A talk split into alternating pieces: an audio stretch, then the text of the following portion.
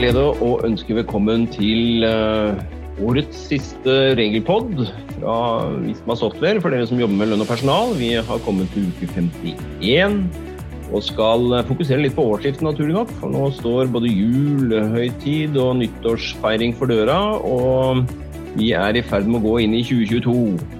Eh, og dermed skal vi titte litt på noen temaer knyttet til det som er verdt å merke seg og tenke på ved årsslutt. Vi skal snakke litt eh, korona, selvsagt. Der skjer det ting om dagen. Vi skal innom OTP. Og vi skal snakke kort om lønnsstøtteordningen, tenkte vi, i denne episoden av Regelpodden. Sammen med meg har vi Monica Bremtun, Olavsen sitter i Fredrikstad. Vi har Ivar Grøndal og Jevnaker og Sven Ivar Lønneid i studio. Vegard Øvstås kjører som vanlig lyd. Vi starter opp, Monica. En update på covid og regler rundt det. Hva skjer om dagen? Ja, her er vi jo fått, vi har fått noen nye regler på refusjon av sykepenger igjen. da. Ved sykefravær som starta før 1.10 i år, så var det jo slik at arbeidsgiver fikk kompensert en del av arbeidsgiverperioden, altså fikk refusjon på en del av arbeidsgiverperioden.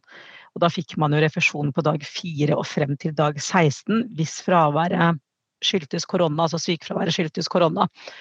Men så gjaldt den ordningen bare for sykefravær som starta før 1.10. Og så har det jo vært ganske mye diskusjon om det her nå. At man ser på en måte at smittetrykket øker. Eh, oppfordres til å være hjemme på en måte hvis man har mistanke om smitte, hvis man hoster litt, føler seg litt uvel.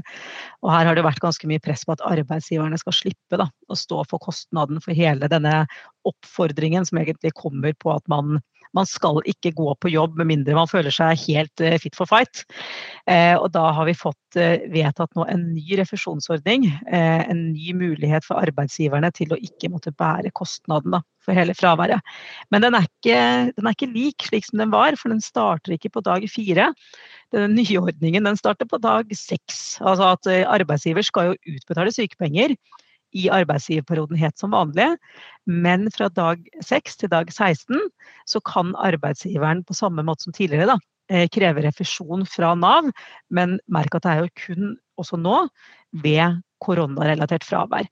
Eh, og det er samme vilkår som sist. For at arbeidsgiveren skal kunne kreve denne refusjonen, så må jo arbeidstakeren enten i egenmelding eller gjennom legeerklæring opplyse da arbeidsgiveren om at dette sykefraværet skyldes denne covid-19-pandemien.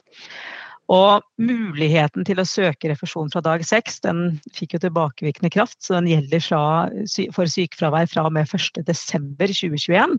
Og i første omgang, får vi vel si da, så vil den gjelde ut januar 2022. Eh, når regjeringen først kom med den nyheten her, så sa de jo at det skal gjelde ut juni 2022.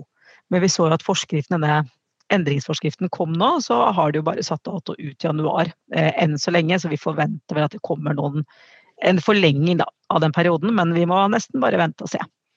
Monica, jeg tenkte jeg bare skulle stille et sånn lite spørsmål, for vi vet jo alltid når vi begynner å snakke om dager uh, Er det arbeidsdager eller kalenderdager, de derre én til fem? Her er det kalenderdager. Eh, kalenderdager man Så man mm. teller jo arbeidsgiverperioden på helt vanlig måte med kalenderdager, og så vil det jo da være fra dag seks på den tellingen, da. Ja. Så man har muligheten til å søke refusjon. Så Arbeidsgiverperioden løper på vanlig måte, den er 16 kalenderdager i utgangspunktet. Og, og som før. Og så er det refusjonsbiten som er regulert. Uh, ja. ja. Så arbeidsgiver betaler, fortsetter å forskuttere og betale, og så krever man refusjon i ettertid. På vanlig måte. Helt riktig. Ja. Mm. Så bra. Og så har vi jo sett at Det kommet, eh, det er jo ikke det eneste vi ser nå eh, på korona. Det er jo ganske stort press på arbeidslivet nå pga. Eh, økte smittetall. Og det har vi jo, Permitteringer har det vært mye snakket om, og nå er det jo lønnsstøtte som også har vært måte, et stort diskusjonstema. og Her har det også skjedd ting de siste dagene. Så kanskje du skal si litt om det, Sinjar. For det er, det er vel ganske aktuelt da, for mange arbeidsgivere, det her, og veldig viktig tema. Ja, absolutt. Um, jeg tenker vi kan, vi kan stoppe så vidt ved dette med permittering og varsel om permittering. fordi Noen har jo nå i avvente av denne lønnsstøtteordningen uh, og litt usikkerhet rundt hva den vil innebære, kanskje også varslet ansatte om permittering.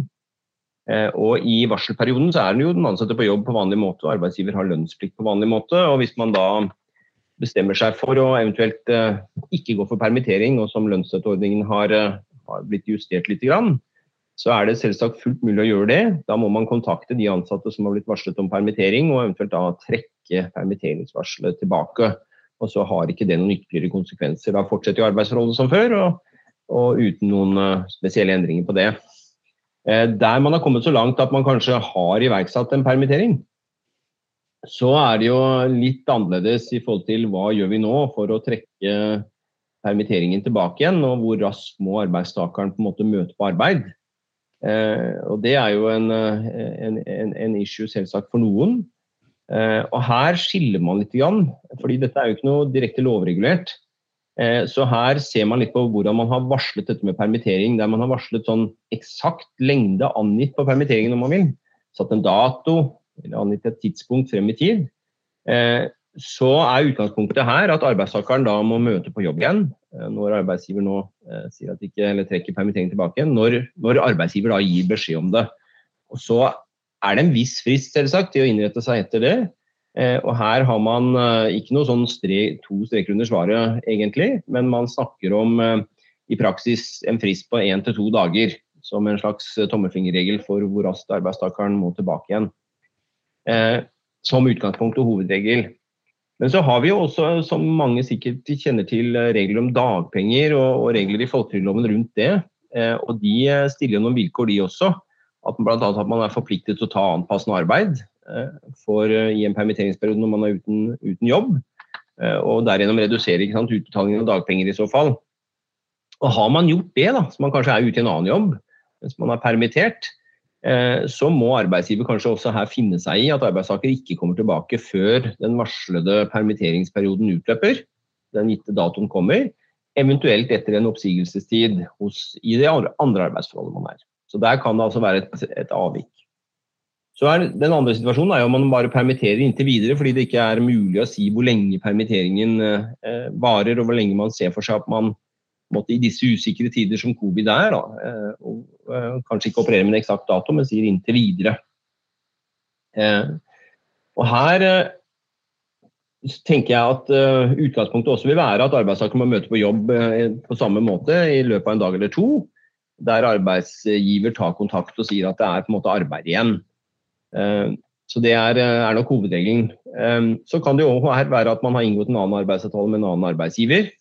Eh, og da er det litt annerledes. Eh, her snakker man gjerne om at eh, på tross av denne plikten da, som vi var inne på i stad til å ta annet arbeid, så er det ved permittering når man har permittert på ubestemt tid, antatt at den ansatte likevel da, må møte på jobb i løpet av en dag eller to, dersom arbeidsgiver gir beskjed om det. Og Det er jo en litt sånn liten paradoks, egentlig. For det gjør det litt sånn vanskelig for arbeidstakeren da i en periode hvor man er permittert å ta annet arbeid, rett og slett. Når permitteringsvarselet er på såkalt ubestemt tid. Eh, den, det, det, arbeidstakeren kan gjøre hvis man får annet arbeid, eh, det er jo selvsagt å si opp sitt uh, ordinære arbeidsforhold. og Da har man jo denne særskilt oppsigelsesregelen med 14 kalenderdager, som man kan nevne etter arbeidsmiljøloven 15.3.9. ledd. Det var litt om uh, permitteringsbiten og dette med varsel om permittering og trekke det tilbake igjen det som er litt trist her, er vel i utgangspunktet det at vi, vi, har jo så liten lovregulering på det. Hvis vi skal ønske oss en julegave, da, da får det kanskje bli til neste år, så kunne jo kanskje det vært eh, litt bedre lovregulering av dette med permittering. fordi det vi ser er jo vi, det er jo styrt via avtaler og praksis på avtalene. Vi har jo i svært liten grad lovregler som sier noe om permittering og hvordan det skal håndteres. og vi, Det har jo blitt veldig tydelig de siste par årene hvor eh, hvor, dårlig det egentlig er. Da. Altså hvor mye vi trenger den type regulering. Eh, og hvor ujevnt man kan falle ut i forhold til om man er organisert eller ikke organisert. Og skal vi ønske oss det kanskje til julegave neste år? At det kommer noe lovregulering på dette? Ja, det skader ikke med litt tydelighet rundt uh, sånne forhold som dette her. Permitteringer har vel aldri vært så mye i hvilen eller vinden som det har vært nå det siste året. så så Det har vært greit med litt tydeligere, klarere regler her. Det er jo tariffbundet tariffbestemmelser rundt dette her, og praksis, sedvane, som legger seg litt på det samme.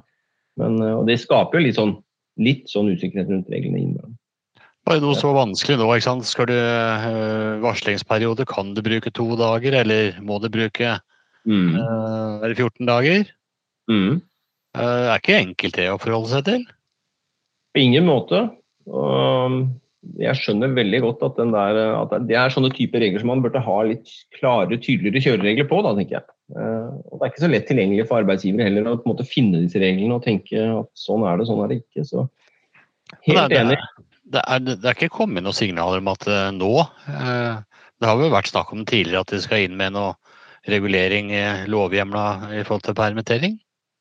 Ja, det er riktig. Det var et forslag her for en stund tilbake, ikke så altfor lang tid tilbake, at man så for seg et eget kapittel kanskje i arbeidsmiljøloven om akkurat det her. Eh, men eh, det så aldri dagens lys. Så, så vi får uh, håpe at det kanskje kan komme, komme inn i et kapittel om det. Vi får ta med oss noen plakater og stille oss på Eidsvolls plass, da, vet du. Ja, bra. Men den lønnsstøtteordningen, eh, vi skal ikke gå i noe detalj på den. Det ligger masse informasjon og det har vært mye diskusjoner rundt det. Men nå er man vel da blitt enig, regjeringen blitt enig med SV om uh, noen justeringer i det opprinnelige forslaget. Som skaper noe mer fleksibilitet. Men dette er en ordning som er ment å vare i en kortvarig periode i utgangspunktet.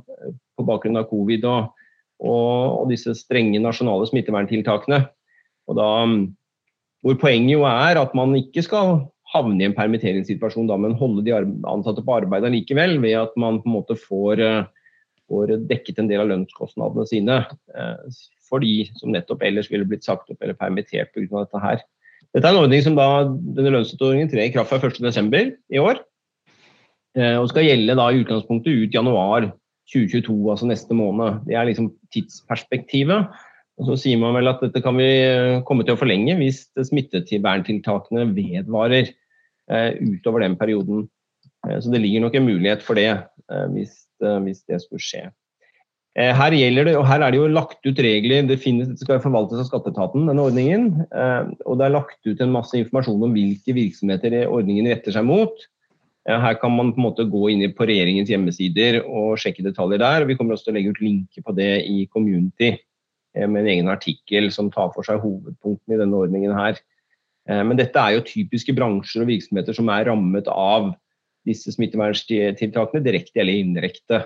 Som serveringssteder og utesteder, hoteller, eh, treningssentre osv. osv.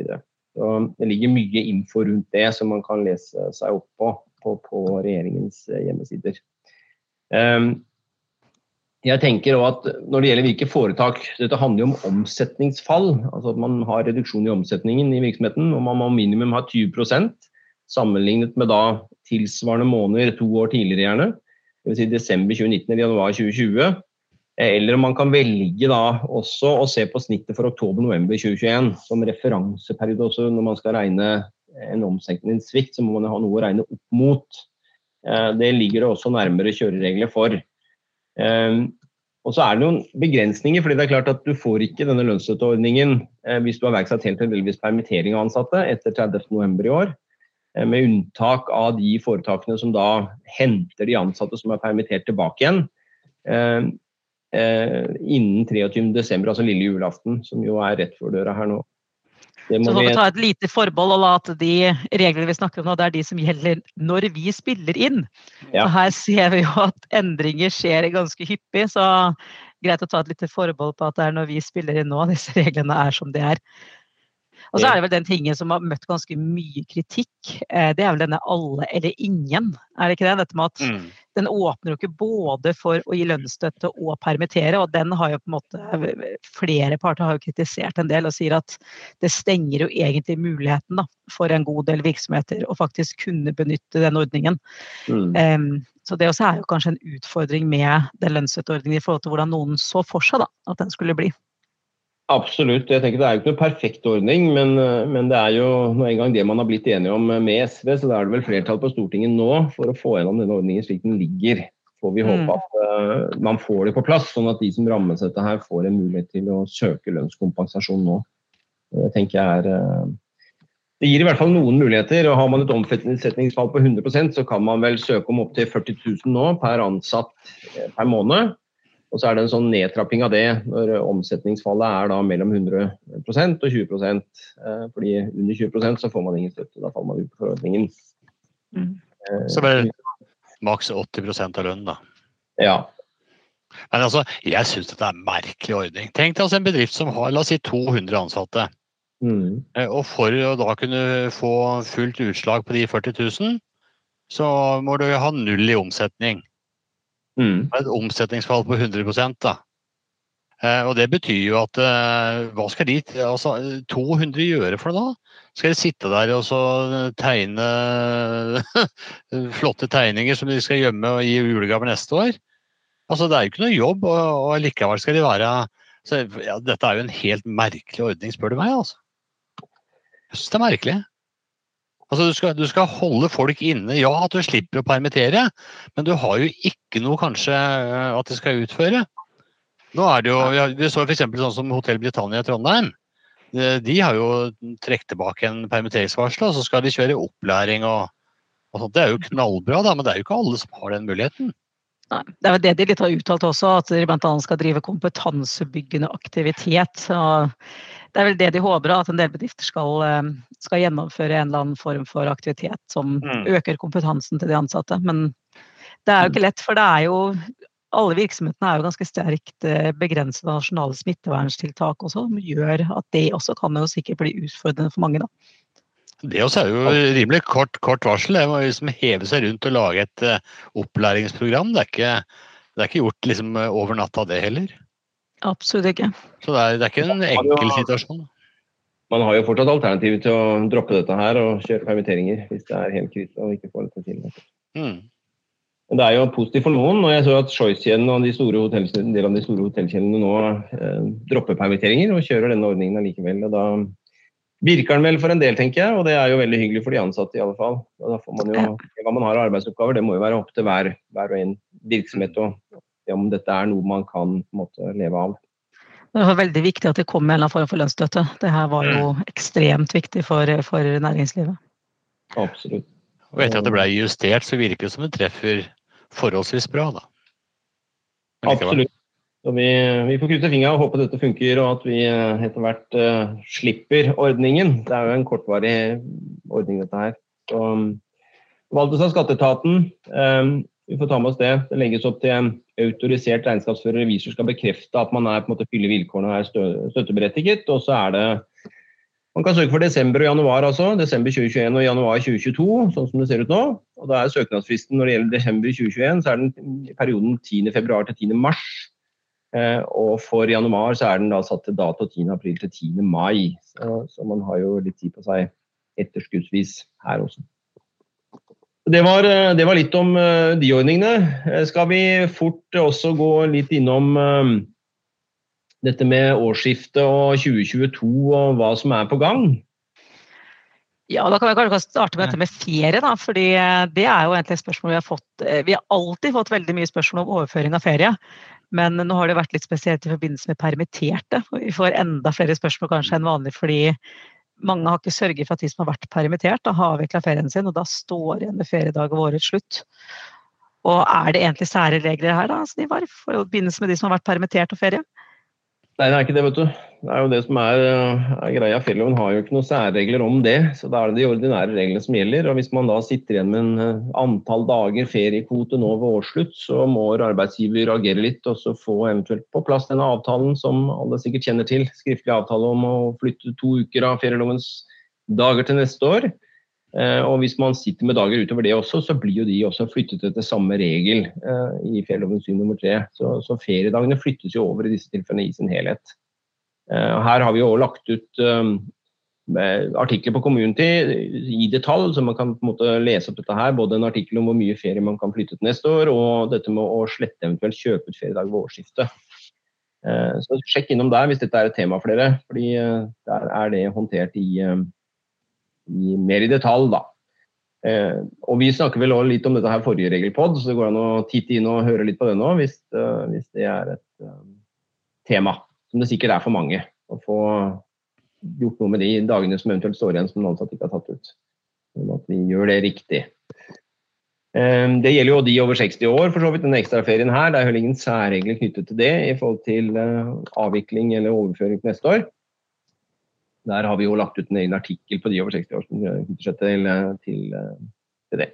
Så sjekk innom der hvis det er et tema. Men hva med, med omsorgspenger da, Monica? Kan man overføre de?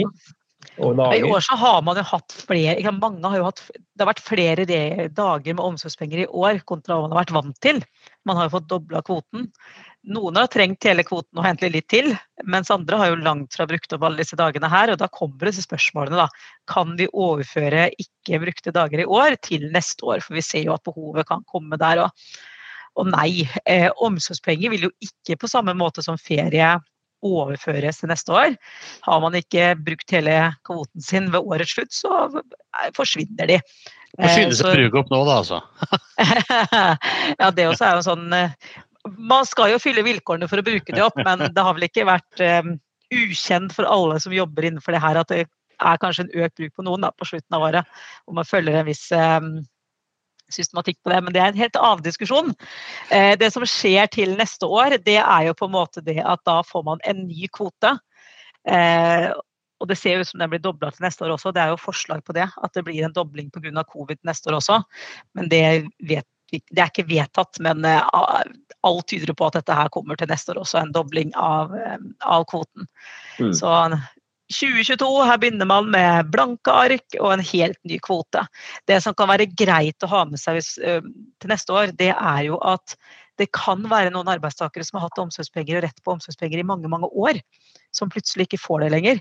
Og hvorfor får de det ikke lenger? Jo, fordi barna plutselig er for gamle. Fordi det er jo en aldersgrense i, i folketrygdloven på omsorgspenger.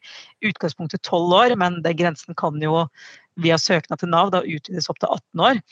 Eh, og hvis man har noen da, som plutselig har barn som nå er for gamle til at man har rett til omsorgspenger, så kan det være greit med en liten beskjed til de, for det er ikke sikkert at de har fullstendig oversikt over de reglene selv. Så som arbeidsgiver da kan det være en god personalpolitikk da, å gi en informasjon om det. Godt poeng, tenker jeg. Og så tenker jeg vi, Dette er jo et tema som vi må gå litt i detalj på når vi kommer til uh, første podden nå i januar i 2022 og se på det med doble kvoter og hva som ligger i dette her. Så at vi graver litt dypere det da. Det har jo allerede kommet også noe måte, på reglene på omsorgspenger i forhold til når man har rett til omsorgspenger også i 2022. Men vi tenker at dette her blir tema på første podkast til, til, eh, til, neste år. Da snakker vi litt om omsorgspenger og hva man har å forholde seg til i 2022, rett og slett. Så vi tar det da. Ja, det er bra. Skal vi hoppe innom dette med avspaseringstimer? Noen sitter jo med ordninger rundt det, enten som man har opptjent eh, etter avtaler man har lagd i den enkelte virksomhet eller ut fra tariffverden. Det eh, reiser jo en del spørsmål knyttet til overføring av avspaseringstimer, fleksitid eller hva man en gang har kalt den ordningen. Eh, og Der kan vi jo hoppe elegant ut av lovverket, på en måte, fordi det reguleres jo ikke av noen regler i arbeidsmiljøloven eller noen andre regler som, som vi kjenner til, men i avtalen man har lagd rundt disse tingene. Ehm, og de kan man jo da, Der er jo verden mye mer fleksibel enn den er eh, i en del sånne lovregulerte varianter av overføring, sånn som med ferie osv. Så, videre. så her kan man eh, enkelt flytte alle avspaseringstimer over til neste år, hvis man ikke har fått tatt de ut. Ehm, det som noen ganger kommer opp som et spørsmål, det er jo eh, kan arbeidsgiver etablere interne ordninger i virksomheten hvor man sier at vi overfører kun så og så mange timer neste år, og resten slettes ved årsslutt. Eh, og Det er jo en, eh, en artig konstellasjon. Fordi hvis, altså Hvem bestemmer egentlig i utgangspunktet når en arbeidstaker får lov til å avspasere? Eh, og Det er jo arbeidsgiver i kraft av arbeidsgivers styringsrett. Og Da kunne man jo tenke seg da at arbeidsgiver, fordi det er så mye å gjøre, da sørger for at arbeidstakeren blir sittende igjen med flere timer enn det man får lov til å overføre etter interne regler i, i bedriften og derved ender opp i en situasjon hvor, hvor, en del av timene da blir borte, uten at man får kompensasjon for det. Eh, og Da kommer spørsmålet kan man bare gjøre det. Og Hva tenker dere om det? Noen synspunkter på det? Jeg tenker Vi må jo knytte også litt penger inn i dette regnestykket her òg, da. For vi har jo to forskjellige varianter av den avtalen. Det ene er jo de som sier vi sletter de og så blir de borte. Ingen kompensasjon, ingenting. Og så har vi de som sier vi sletter de, men du får en sum utbetalt for de. Og det er jo to litt forskjellige situasjoner også. Absolutt. Eller er det det? Det er vel et skille på de to, er vi ikke enige om det? jeg tenker Dette er jo å kompensere fordi du utfører merarbeid ofte. Og da kan man jo utgangspunktet er at man har krav på penger når man jobber utover den den tiden man har avtalt med arbeidsgiver. Eh, og Da er det vanlig timelønn man, man, har. Men så kan man jo da etter avtale etablere at man på en måte lager kompensasjonen istedenfor penger, så får man det i fritid. Og Det er jo typisk disse ordningene her, eh, hvor man opptjener fritid. Men da uten at man trekkes i lønn når man tar det ut. ikke sant? Så da er det jo ti med kroner. Eh, og Dermed så tenker jeg at man ikke uten videre bare kan slette disse timene ved årsslutt uten å kompensere eller kjøpe de ut i så fall. Det tror jeg må være hovedregelen eh, i en sånn setting som det. Hjemmekontor er jo også et tema. Her venter vi jo på en ny forskrift. Den har vi ventet på en stund. da. Man har hatt dette ute fordi den, den eksisterende forskriften nå den er jo 20 år, 20-årsjubileum snart. Eh, og Den ville man oppdatere og hatt ute på høring blant partene i arbeidslivet osv., men man har ikke sett dagens lys ennå. Så mm, her sitter vi litt på gjerdet, og vi kommer tilbake til den når vi på en måte kommer til, eh, til 2022. Og satser på at den kommer litt oppdatert i forhold til eh, de reglene som gjelder rundt dette. For dette er jo the new normal for mange. Helt eller delvis jobbe hjemmefra. Og hvordan er arbeidstidsreglene da, og hva med dette med arbeidsmiljø og, og andre ting som følger med. Eh, her ligger det mye bra artikler ute på Community PT, både i forhold til den personalmessige delen og i forhold til de skattemessige reglene som vi har. Så stikk innom der og sjekk ut det i forhold til hva som gjelder, hva man kan dekke osv. Så det blir et tema i 2022. Egenmelding, egen sykdom, Monica? Ja, jeg tenkte vi skulle bare ta med to ord om den også, for vi opplever at mange arbeidsgivere har jo arbeidstakere som kommer med dette spørsmålet her sånn på slutten av året. Du, hvor mange egenmeldingsdager har jeg igjen i år? Fordi som du sa i stad, Ivar, vi vil gjerne ha med seg alt de kan på en måte, av disse dagene her. Men på egen sykdom, hvis vi har omsorgspenger, det, slutt, det slettes jo årets slutt, så får du ny kvote fra neste år. Det er jo ikke de samme reglene for egenmelding på egen sykdom. Fordi en arbeidsgiver kan jo bestemme at man skal tape retten til å få sykepenger på grunnlag av egenmelding dersom man har brukt et visst antall egenmeldinger i en annen periode. Og Det er nemlig dersom arbeidstakeren i løpet av tolv måneder hatt minst fire fravær som på en måte er dokumentert med egenmelding. Men det her det er jo en løpende tolvmånedersperiode den begrenses jo ikke av kalenderår i det hele tatt. Så antall brukte egenmeldinger, da, det nullstilles ikke når vi kommer til nytt år. Så det er ikke sånn at vi begynner å telle på nytt igjen 1.1.2022. Eh, det er selvfølgelig lov å ha en avtale om det, at man nullstiller ved nytt år. For det er jo en ordning som er bedre enn eh, folketrygdlovens regler, og det er helt greit. Men um, Utgangspunktet er at det er ikke sånn det fungerer. Her er det løpende tolvmånedersperiode, og den er jo ikke bundet av kalenderåret. Uh, det er jo noen andre ting også som man bør være oppmerksom på da, fra 1.1.2022 eh, og utover i 2022. Det er jo en del lovendringer som er vedtatt, og det er jo en del som er varslet. Men tenker ta dere en liten titt på community hvis dere lurer på det her. Blant annet så skal jo ferieloven den skal jo gjelde på Svalbard fra 1.1. Eh, det kommer som er hovedregel forbud mot lønn utbetalt i kontanter. Vi har nye bestemmelser om lønnstyveri. Det foreslås endringer i forbindelse med dette med midlertidig ansettelse, hvor um, regjeringen ønsker å fjerne denne generelle adgangen til midlertidig ansettelse. Eh, så vi forventer jo at eh, første halvår også til neste år i hvert fall kommer til å være ganske eh, busy. Eh, og også dette her med midlertidige regler knytta til korona. Så anbefaler dere å følge med og kanskje abonnere også på, på Community på fagområdet for lønn og HR. For her legger legger vi ut oppdateringer så snart vi blir gjort oppmerksomme på det. Skal ta med en liten ting til som ikke er en lovendring, men vi fikk jo en dom fra Høyesterett denne uka som går på dette med trekk i lønn og feriepenger. Eh, som slår fast eh, det for så vidt lagmannsrettsdommen gjorde. Vi har vel hatt det som tema tidligere i år. Eh, knyttet til en ansatt som da fikk utbetalt for mye diettgodtgjørelse, hvor arbeidsgiver da ved såkalt feilutbetaling brukte en hjemmelen basert på en standardklausul man hadde i arbeidsavtalen, til å gjennomføre trekk for det man hadde utbetalt for mye. Her tapte arbeidsgiver i Høyesterett også. Eh, den skal vi komme tilbake igjen til rett på nyåret og snakke mer om, for dette er en praktisk viktig eh, sak for mange mange arbeidsgivere knyttet til dette med feilutbetaling og hvordan disse standardklausulene, om det hjemler rett til å trekke i lønn eller ikke. Så det er, bare det er vel noe som de aller fleste arbeidsgivere bør få med seg, den dommen her. For den eh, den bryter nok inn i en praksis som eh, mange har lagt til seg og tenker er helt grei, som nå på en måte vi har fått stadfest fra så mange steder og Høyesterett nå at det, det funker ikke helt sånn. Nei, i hvert fall ikke i alle tilfeller. Eh, selv om det i noen tilfeller antagelig vil holde likevel. Men det er lagt ut en artikkel også om den på Community allerede, som dere finner selve dommen og våre kommentarer rundt selve den. Så kommer vi tilbake igjen til den tenker jeg første podden på nyåret. Og det er bare å glede deg. Men for å si det sånn, ja, for, ja, ja, ja, jeg skal snart få lov til å si litt, jeg ja, òg. Men bare tenk på den dommen fra Høyesterett nå, den står, den. Det er noe som kan bli anka til en sånn menneskerettsdomstol i Hagen og sånt nå. nå Nei, nei. Nei. Den står. Den står, ja. Ja, ja, Artig. ja. Skal- jo, Ja, snakke litt om pensjon, ja. Siden jeg er eldstemann i kurven, var det du tenkte på? Jeg tenkte på det, og der er det jo litt ja. litt her nå. Ja. Du, nå har jo Monica var inne på at eh, vi spiller jo inn en, en regelpod. eh, Og da kan det være at noen hører dette her på lille julaften og på julaften i romjula og, og i 2022. Men vi er også nå en par dager, par dager før jul. Um, og det er jo sånn at uh, det blir en endring når det gjelder uh, pensjon. Så obligatorisk tjenestepensjon. Og de fleste har jo hørt dette her fra første krone. Eh, opptjening av pensjon fra første krone gjelder obligatorisk tjenestepensjon. Og det var jo også en, eh, en del i eh, Hurdalsplattformen uh, til Arbeiderpartiet og Senterpartiet, at uh, de skulle gjennomføre det her så raskt som mulig. Nå var vel tredje behandling eh, i Stortinget i går. Dette her har, så vidt jeg nå har oppfattet, gått gjennom, men vi har jo ikke fått noe dato fra når det gjelder ifra.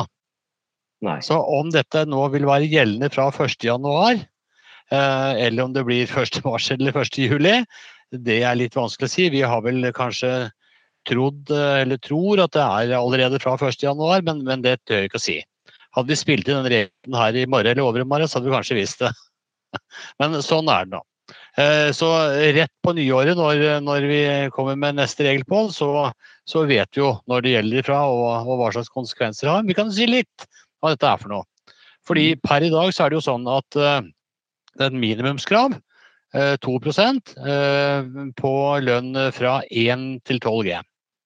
Eh, og det betyr jo at eh, den første G-en har man ikke fått. Det er jo endring på nå. Nå blir det altså fra første krone, eh, og det betyr eh, for arbeidsgivere en ekstrakostnad per år på litt over 2000 kroner. Så man er klar over det. Og så får man også avgiften, arbeidsgiveravgiften av det, ikke sant. Mm. Eh, Så det blir en ekstra kostnad. Men det er veldig bra for, eh, for alle som skal bli pensjonister en gang, da. Nå blir det mer penger i pensjonskassa. Men i tillegg så er det ikke bare at det er pensjon fra første krone, fordi dagens ordning er jo eh, vilkår for å bli medlemmer. Så er det jo 20 år og minst 20% stilling. Og så har det jo vært et sånn unntak i forhold til eh, sesongarbeidere som eh, så sant de da ikke bikker 20% Det kan godt hende at de jobber fullt én måned, da er det jo 100% stilling en måned, og skulle egentlig vært i ordningen. Men altså det har vært et unntak for sesongarbeidere å eh, ikke kunne meldes inn i ordningen. Eh, det som da skjer ifra antageligvis 1.1, men altså den eh, nye ordningen De som skal være med i ordningen, er fra 13 år. Altså man flytter det helt ned til 13 år, samme som folketrygden. Um, I forhold til opptjening. Og så er det jo uh, på, når, når slår dette her inn da, i forhold til kronebeløp? Ja, hva tror dere? Der tror jeg det går inn mye tidligere enn uh, det gjør PT. Ja, det gjør det, ser du. Ja, I skattemyndighetene via A-ordningen, leser jeg her nå. For nå, nå er det jo sånn at eh, når, når, eh, når meldes det inn i dag? Jo, det er minst 20% stilling. Nei, etter den nye ordningen så er det de som da har nådd opplysningspliktgrensen, og det er 1000 kroner. Yep.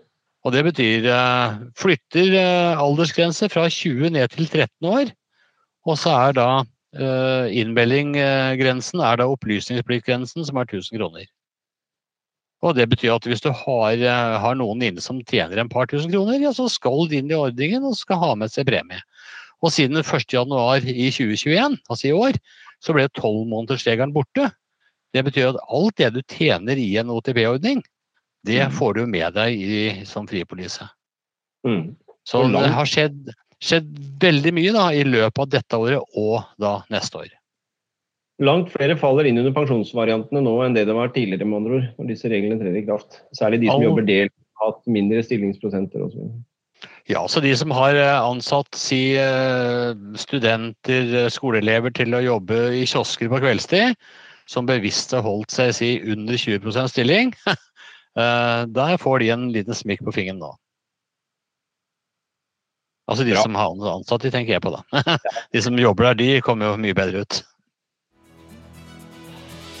Veldig bra. Det var vel egentlig det vi hadde på, på kjøreplanen i dag. Eh, sånn rett før jula setter inn. Og vi må vel avslutte rett og slett da tenker jeg med å ønske alle lytterne våre en riktig fin og, og, og fredfull jul. Julefeiring.